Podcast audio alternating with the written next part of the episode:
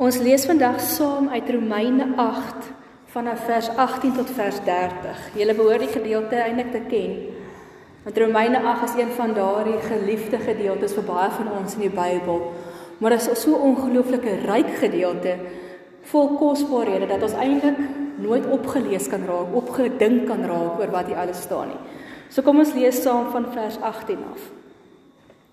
Ek is daarvan oortuig dat die lyding wat ons nou moet verduur nie opweeg teen die heerlikheid wat God vir ons in die toekoms sal laat aanbreek nie. Die skepping sien met gespanne verwagting daarna uit dat God bekend sal maak wie sy kinders is.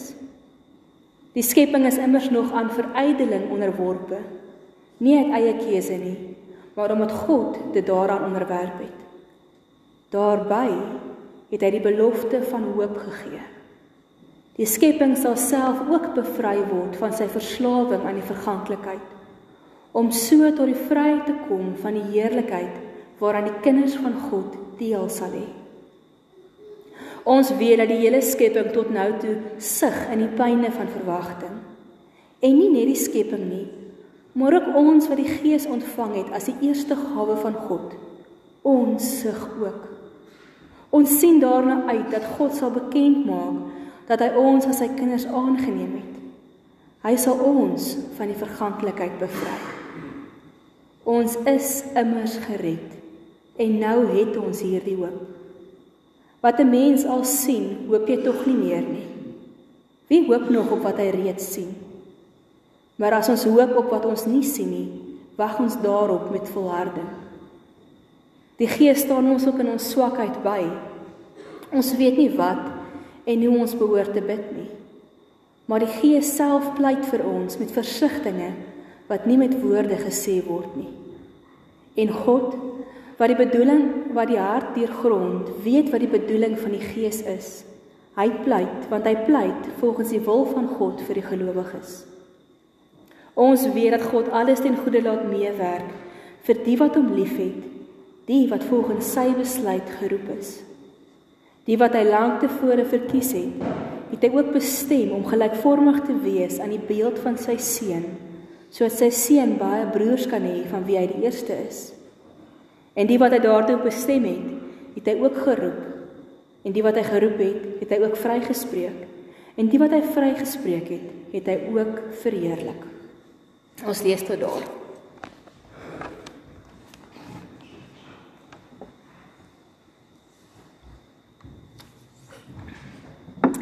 Nou ek het net nou vir julle gesê ek kyk om my en ek luister na mense se gesprekke en ek sien 'n moegheid. 'n bedruktheid, 'n 'n wanhoopigheid.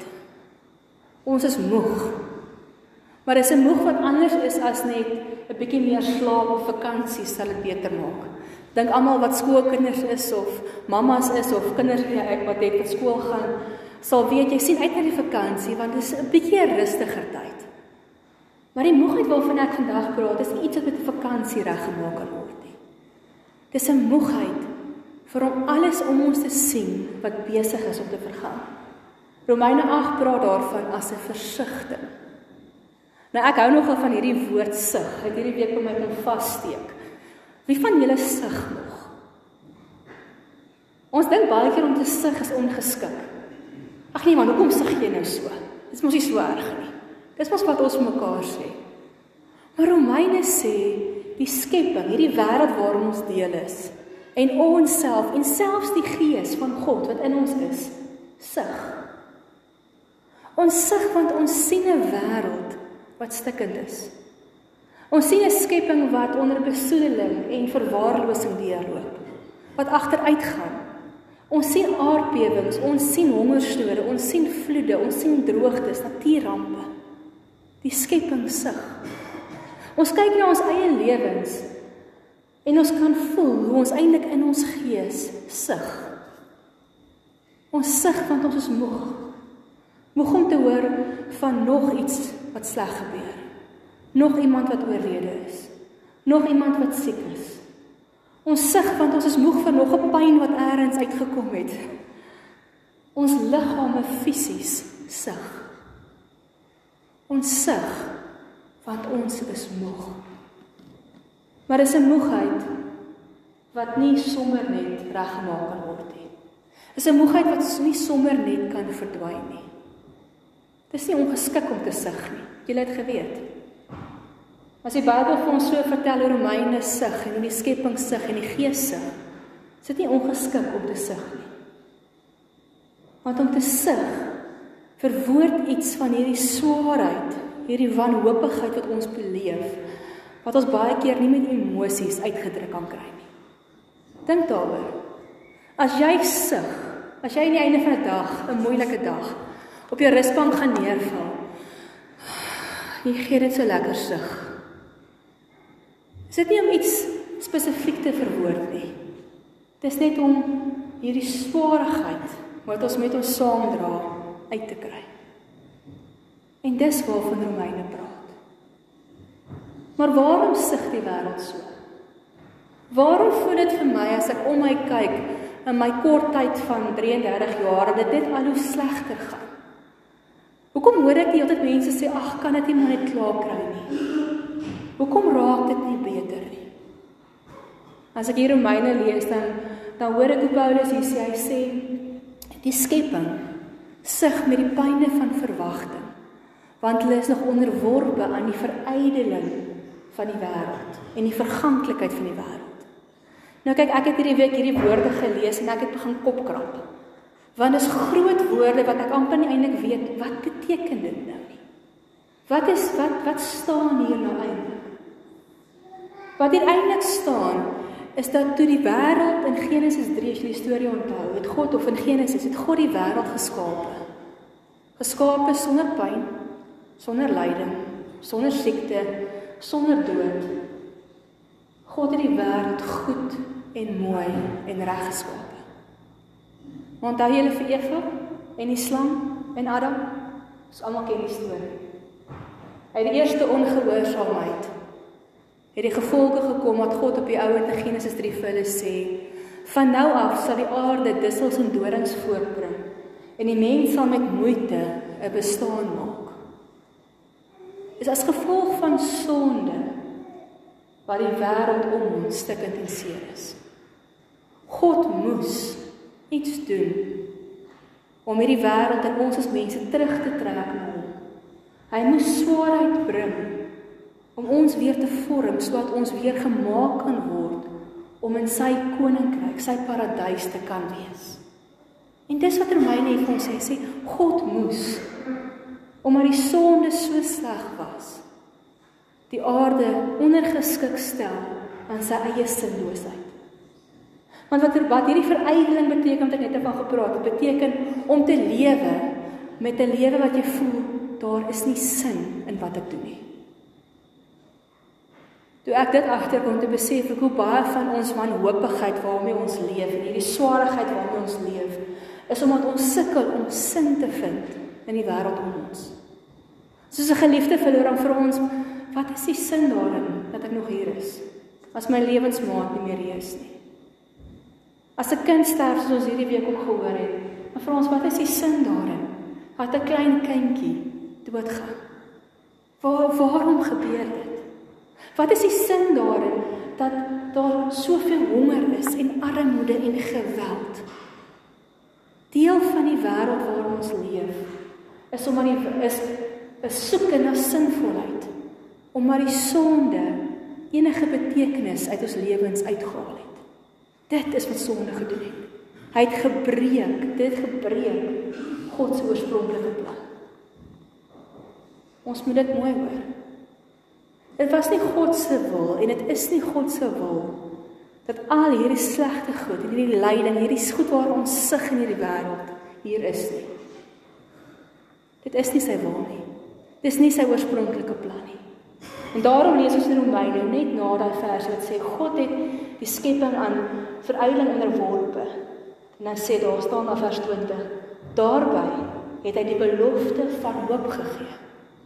Hoor dit. Wat Paulus hier kom doen, hy sê vir ons, hy kom gee ons eintlik hoop om te sê ja. Die wêreld is te mekaar. Die wêreld is op sy kop. Dit is nie altyd 'n lekker plek om te wees nie. Ons wonder baie keer wat is die sin van goed wat gebeur, veral slegte goed. Maar hy sê God los ons nie daar nie. Dis same met hierdie ding wat moes gebeur het. Kom gee God 'n belofte van hoop. En wat is hierdie belofte? Hierdie belofte is dat God 'n toekoms kom gee, staan hier. Die skepping sal self bevry word aan sy verslawing van verganklikheid om dieselfde heerlikheid te beleef wat ons as kinders van God gaan beleef. Nou Paulus gebruik baie groot woorde hier. Dink partykeer lees ons Romeine en dan wonder ons wat sê hy. Maar wat eintlik wat Paulus sê, hy kom sê al is die wêreld sleg, al is dit seer, kom gee God 'n belofte dat dit wat ons nou beleef nie die einde is nie. Die seer wat jy nou beleef is seer. Dit mag seer wees. Maar dis nie die einde nie. Daar's 'n belofte dat God 'n toekoms gaan bring waarin hy alles gaan herstel soos hy oorspronklik wou gehad het. As ons in die wêreld praat van hoop, dan hoor ons dikwels mense sê kinders, o, ek hoop my toetspunte is beter hierdie jaar. O, ek hoop ek kom eksamen deur. O, ek hoop ek wen die lotto. Ek hoop ons het môre krag en water. Ek dink dis die meeste hoop wat ons die laaste ruk gehad het. Maar dis 'n 'n hoop wat net hier is. Dis 'n hoop wat net daar is om iets fisies tydelik vinnig te sien gebeur. Dis 'n hoop wat soos 'n 'n kersie vinnig doodgeblaas kan word ook. Want terwyl ons op hierdie goed hoop, dan weet ons as ons môreoggend opstaan en daar's nie krag en water nie, is ons hoop daarmee heen. Ons babbel is gebars, ons ballon is partytjies afgeblaas. Dis 'n hoop wat vinnig verdwyn. Dis aardse hoop. Hoop op die tydelike dinge om ons lewens vir 'n klein stukkie beter te maak. God se hoop, 'n gelowige se hoop is anders. 'n Gelowige se hoop is nie gefokus op dit wat nou gebeur nie. Dit moet ons mooi hoor. Ons hoor dit deurgangs die Bybel. 'n Gelowige se hoop is altyd gerig op die toekoms. Op dit wat God gaan doen. Dis 'n hoop wat nie gefestig is op aardse dinge waar ons beheer het nie, maar op God wat hierdie belofte in stand hou. Paulus sê eendag gaan God die skepping en ons herstel in sy oorspronklike plan. Dis die groot hoop. Ons moet weet, ons is die evangelies lees in Jesus se se gedeeltes oor die eindtye. Dit gaan nie beter raak nie. Was nou of my hierdie week die werksgroep opvallend hoe almal vir mekaar sê, weet julle wat, dis die realiteit. Ons moet begin besef dat ons wêreld nie gaan beter raak nie. Hierdie oppervlakkige hoop wat ons het van ag môre moet net môre gaan dit beter wees. Môre gaan die regering verander. Môre gaan ons krag hê, môre gaan ons water hê. Ons moet nie daarop fokus nie. Want dan bly ons in hierdie donker gat van wanhoop. 'n Gelowige se hoop is om verder te kyk as dit wat ons nou sien. God se plan is om ons terug te bring na daar waar hy oorspronklik was. Daar waar ons geskaap het om saam met hom te wandel, om elke dag in sy teenwoordigheid te kan leef, sonder sonde, sonder skuld, sonder seer, sonder lyding, sonder pyn. God se toekoms, God se hoop, se belofte vir ons is 'n wêreld waar daar nie hongersnood is nie, waar daar nie armoede is nie, waar daar nie geweld is nie, waar daar nie dood is nie. Dis die wêreld waarvan ons lees in Openbaring 21. Die nuwe Jerusalem. Hierdie hierdie wêreld wat vir ons as 'n droom lyk, ver. Dit is amper wonder kan dit wees.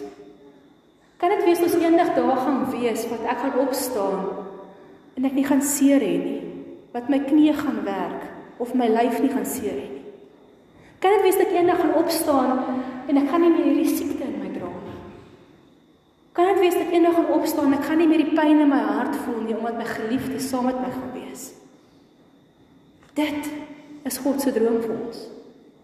Dit is waarop hy wil hê ons moet ons oog rig. Maar ons as mense is mos vreemd. Ons wil sien om te glo. Ons wil sien om te hoop. Dit is vir ons verskriklik moeilik om aan iets vas te hou as dit ver voel, as dit nie kan sien nie. Dis asof partykeer ek dink ons oor die hemel dink en oor hierdie beeld van die ideaal wat God weer vir ons wil bring. En ons sê maar dis 'n ligkasteel. Dit is so ver weg, dit voel nie realiteit nie. Wat 'n verskil maak dit nou eintlik in my lewe? Ek wil dit sien om dit te beleef. Soos Romeine 8 baie mooi lees, dan kom ons agter hoe hy geskryf het sê vir ons, ons het reeds deel aan hierdie werk wat God vir ons wil bring. Dis reeds besig om 'n realiteit te word. Dis reeds hier. Ek dink een van die voorbeelde wat ek hierdie week gehoor het, wat vir my dit bevestig is, is die verhaal van die seentjie Mandro. Julle sal almal van hom weet, die 5-jarige wat op die glyplank verwrig het. Mense gedink het gaan sterf. En hy stap uit die hospitaal uit sonder enige breinskade. Na hoeveel mense vir hom gebid het. Dis 'n stukkie hoop. 'n Stukkie van hoe ons sien hoe God lewe herstel te midde van ons wêreld.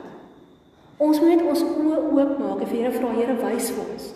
Wys vir ons hoe U besig is om hierdie koninkryk, hierdie herstelde lewe reeds terug te bring. Elke keer wanneer vyande vrede maak, is dit 'n stukkie herstelde werklikheid. Elke keer wanneer ons mekaar jammer sê, is dit 'n stukkie van God se herstelde koninkryk, 'n stukkie hemel wat ons eintlik op begin beleef. Elke keer wanneer ons vir Here sê, Here, ek is jammer. Vergewe my. Word ons ingetrek in die werklikheid dat God ons reeds vergewe het. Ek dink Jesus is ons die beste voorbeeld van hoe ons dag tot dag ons oog op God kan hou te midde van lyding. Ja, aan die einde, jy ken sy verhaal. Het hy net eenvoudig het sewe minute toe gegaan. En hy het geweet wat se lyding vir hom voorlê. Ons lees die angs het hom oorval. Soveel sodat hy bloed sweet gedrup het. Maar selfs ten spyte daarvan, spyte van die lyding wat hy beleef het, hy gebid en gesê, Here, as dit U wil is, laat hierdie beker by my verbygaan. As dit nie is nie, laat U verheerlik word.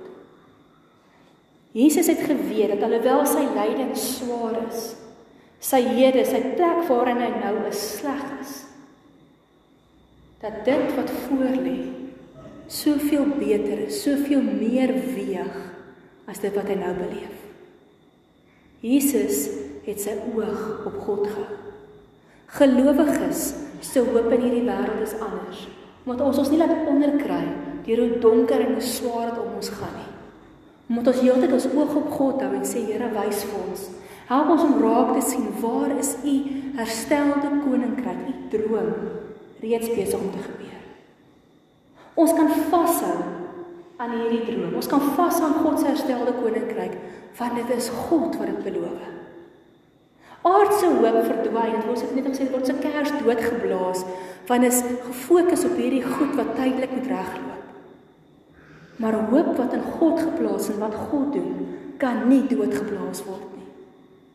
Daardie hoop sal brand solank as wat ons ons oog op God hou. Tweede ding hoekom Bybelse hoop en gelowige hoop anders is as wêreldse hoop is omdat dit nie vir almal bestem is nie. Dis min dat die Bybel eintlik sê dis nie vir almal iets is nie vir almal bestem nie. Hierdie is een van die gevalle. Ons staan hier, ons lees hier so spesifiek dat die skepping verwag, uitsien met 'n verwagting. Paar keer lees ons dit dat die kinders dat God sal bekend maak wie sy kinders is. Ons hoop is daarop gefestig dat ons God se kinders is. Waarom? Was nog 'n vraag wat my ook geplaai die hele week. Wat maak ons kindskap dat ons daarin kan hoop vind. En die eenvoudige antwoord daarop is: kind ons kindskap, die feit dat ons kinders van God is, help ons om te onthou wie sin ons is. Help ons om te onthou dat God alles gedoen het om seker te maak ons kom terug na hom toe. Ons word weer herstel na waar hy ons wou gehad het. Julle Romeine 8, julle sal weet Rian het so 'n paar weke terug ook oor Romeine 8 die eerste gedeelte gepreek. Praat oor hoe ons weeskinders is. 'n Weeskind is iemand wat nie ouers het nie. Wat eintlik nie 'n plek het om te behoort nie. Met die sonde van die see van hierdie wêreld is dit eintlik waar ons is. Ons het nie 'n plek om te behoort nie. En lyding is die een ding wat dit vir my na vore bring. Het jy al agtergekom as jy seer het, voel jy dadelik geïsoleerd. Jy voel dadelik niemand weet waar ek gaan nie. Niemand verstaan nie. Jy voel ewe skielik eenkant asof jy nie hoor nie. Almal om jou lag en gaan aan met 'n lewe en dit alles lyk goed en wel. Maar jy staan aan een kant en jy voel jy pas nie in nie. Want jou seer is te groot. En dan kom God en hy sê, wanneer jy so voel, wanneer jy voel dat hierdie lyding in die wêreld vir jou een kant toe trek, dat jy nêrens het om te hoor nie. Dan kom herinner jy jou. Hy het jou aangeneem. Jy is nie meer 'n weeskind nie. Jy is ten volle sy kind. Soveel so dat ons hier in vers 16 lees in die vorige vers 15 vorige gedeelte hoe die Gees vir ons sê ons kan nou sê Abba Vader, my Vader. Ons is nie meer eenkant nie. Ons ons kry hoop omdat ons weet ons is nie meer alleen in ons swaar kry nie. Maar God het ons syne gemaak. Hy het ons teruggebring na 'n persoonlike verhouding met hom. So wanneer die see van hierdie wêreld ons oorweldig, dan moet ons kan weet my kindskap, my feit dat ek hoort by God, gee vir my hoop. God het reeds alles gedoen sodat ons kan weet dat ons storie waar ons nou is in ons seer nie die laaste sal wees nie. Maar dat hy steeds met ons besig is. Die laaste twee verse van hierdie gedeelte sê eintlik so mooi waar daar staan God het ons geroep Hy het ons bestem, hy het ons vrygespreek en hy het ons verheerlik. God het alles gedoen sodat ons kan weet as sy kinders is ons werklikheid soveel meer as wat ons sien. En nou sien dit dalk vir my sê wat 'n verskil maak dit in my lewe. Dis mooi. In my kop weet ek dis waar. Ek weet daar's hoop daar dat ek 'n kind van God is en dat hy vir my eendag wanneer hy kom hierdie wêreld seer as gaan geniet maak. Maar wat 'n verskil maak dit? Wat 'n verskil maak dit vir my wat nou seer is? Wat 'n verskil maak dit vir my wat bekommerd is, wat angstig is? Wat 'n verskil maak dit? Emil Brenner het 'n 'n aanhaling gemaak en ek wil graag vir julle lees. Hy sê So suurstof vir die longe is, so is hoop vir die betekenisvolheid van die lewe. Sonder suurstof sterf ons. Longe kan nie asemhaal as daar nie suurstof is nie. Sonder dat ons hoop het, kan ons ook nie sin in ons lewens vind nie. Maar hoop sê Romeine 8 vir ons is nie iets wat ons altyd sien nie. Ons sien nie altyd die werklikheid gebeur nie. 'n Deel van hoop is altyd hierdie iets waarna ons uitsien, hierdie verwagting waarna ons uitsien. En daarom staan hier, ons moet daarop hoop, ons moet hoop met volharding. Al sien ons nie die werklikheid verander nie, moet ons nie opgee nie. Om te volhard beteken om aan te hou, om uit te hou, alles in te sit om dit te glo. En ons moet dit baie mooi hoor vanmôre. Ons dink baie keer hoop is iets wat net in ons harte gaan vlam vat en ewe skielik voel ons hoopvol en alles gaan regloop en ons vertrou die Here vir alles. Dis nie so maklik nie. Hoop is 'n keuse. Ons kies om te glo wat God vir ons sê. Ons kies om te glo en daarom vas te hou al is dit donker. Maar kyk, dis wat Paulus sê in die begin. Hy sê ek is daarvan oortuig. So hy het met ander woorde in homself gekies om dit ten volle te glo dat hier die werklikheid is. En dis ons werk. Ons moet kies om ten volle te glo dat hierdie wêreld wat ons beleef nie die laaste is nie. En kyk wat sê Paulus verder. Hy sê ek is oortuig daarvan dat die lyding wat ons nou moet verduur nie opweeg teen die heerlikheid wat God vir ons in die toekoms sal laat aanbreek nie. Paulus gebruik eintlik die beeld hier van 'n weegskaal. Onthou julle wat 'n weegskaal is? Dis daai skaal wat ons altyd in in skynat gekry het wat die twee gewiggies so het. En jy moet die twee gelyk kry of jy sit gewiggies hierdie kant op, sê nou maar jy wil 30 gram hê, as jy 3 steentjies op van 10 10 10 en dan kan jy hierdie kant sit en sodra hierdie ding die ander gewig sit, sodra hy gelyk kom, dan weet jy dis wat hy weeg. Nou wat Paulus hier sê, hy sê hy vat al die swaar kry wat ons beleef. En is baie. Maar dink daaraan dat die swaar kry wat jy beleef in jou lewe, as jy 60 is, is maar miskien 30 jaar van daardie 60. As jy 30 is, is miskien 5 jaar van daardie 60 van daardie 30 wat jy swaar kry beleef. Maar selfs daardie klein bietjie wat jy beleef, is nog min vergelyk met die swaar kry wat deur die eeue deel is van hierdie wêreld. So ons hoef nie te onderskat dat hierdie swaar kry swaar is nie. Hierdie weegskaal hang hy laag. Maar dan kom Paulus en hy sê, maar dan sit ek hierdie wêreld van God, hierdie heerlikheid wat God vir ons beplan, op die ander kant van die weegskaal. En jy beskielik word die heerlikheid van God, dit wat hy beplan, sy droom vir ons soveel groter, soveel swaarder.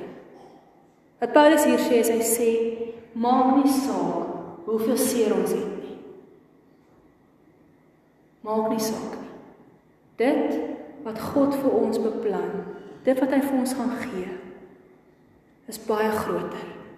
Baie meer as wat ons ooit sal kan dink. Kinders van God kies om daarin te volhard, om daaraan vas te hou selfs al sien ons dit nie. Maar hoe doen ons dit? Dit is maklik om dit te sê. Maar hoe kry ons dit reg? Ek dink die gedeelte wat vir my die meeste vertroosting bring in Romeine 8 is hierdie laaste paar verse waar daar staan die gees van God sig saam met ons. Wanneer jy swaar kry en die dinge vir jou te veel raak en jy voel oorweldig, deur hierdie wêreld.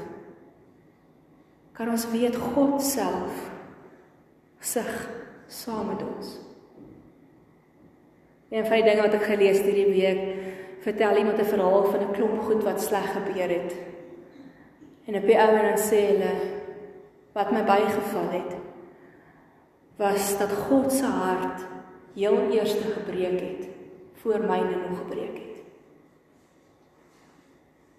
As daar armoede is, voor ons dit nog agterkom, het God se hart reeds gebreek.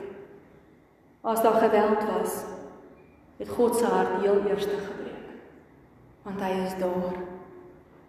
En hierin vind ek 'n ongelooflike stuk troos. Dat God daar is, by ons is, terwyl ons nie altyd verstaan nie. Dat God ons vashou en dat hy saam met ons sug. Om te sug. Het ek net nou gesê is nie iets wat verkeerd is nie. Dis nie iets waar ons moet skaam wees nie. Eindelik word om te sug 'n goddelike opdrag. Want as ons sug saam met God oor alles wat in hierdie wêreld verkeerd is, dan sê ons eintlik Here, ons erken En ons sien raak alles wat in hierdie wêreld verkeerd is. En ons smag daarna dat U dit verander. Om te sug word eintlik iets moois. Dit word 'n goddelike opdrag wat vir ons gegee word. Dat ons in hierdie wêreld moet sê, dis nie wat God wou hê nie. Maar as staan hier ook dan sê ons lees ons sê die Gees kom met versigtings na God toe wat woorde nie eers kan sê nie. Die Gees staan ons in ons swakheid by. Ek het net nou gesê 'n sug is iets wat partykeer net 'n klomp oorweldigende emosies kan uitbring omdat ons nie weet hoe om dit te verwoord nie. En dis presies wat God se Gees wat in ons is vir ons doen. Wanneer ons sukkel om hoop te hou, wanneer ons sukkel om te glo dat God besig is in hierdie wêreld, dat hy besig is om te verander, dat hy dinge gaan verander. En ons nie weet hoe om te bid nie. Dan sit die gees van God, bly die gees van God in ons. En maak hy ons hart en ons diepste bedoelinge kom lê hy voor God. Partykeer het ons nie woorde nie. En dan net om in God se teenwoordigheid te gaan sit is waar ons hoop vind. Het jy al agtergekom Dat wanneer jy nou 'n lang dag op jou rusbank gaan sit en jy sug so lekker.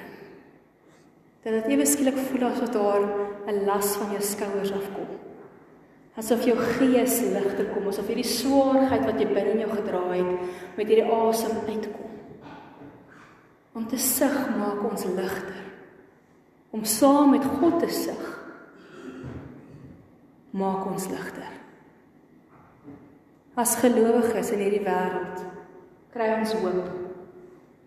Nie omdat dinge ewe skielik gaan beter gaan en omdat ons dit noodwendig altyd gaan sien nie. Ons kry hoop omdat ons weet God is saam met ons. En dit wat ons nou beleef is nie die einde nie. So ek wil julle uitnooi. As ek hom gesê het vir die volgende paar weke. Kom luister saam. Kom ontdek saam hoe God vir ons stukkies hoop gee oral ons, hoe hy ons leer om ook draers van hoop te word. Want dit is ons opdrag. As ons moet sug in hierdie wêreld saam met God om te erken dat dit nie reg is nie. Moet ons op God se hoop in hierdie wêreld indra. Al sien ons nog nie. Hou vas ons. Omdat God ons die belofte gee. Ons het net nog gesing ook. Ons hoop is in God alleen. Nie altyd omdat alles uitwerk nie, maar omdat ons weet ons is veilig in sy hand. So kom ons vertrou hom daarmee. Kom ons bid saam.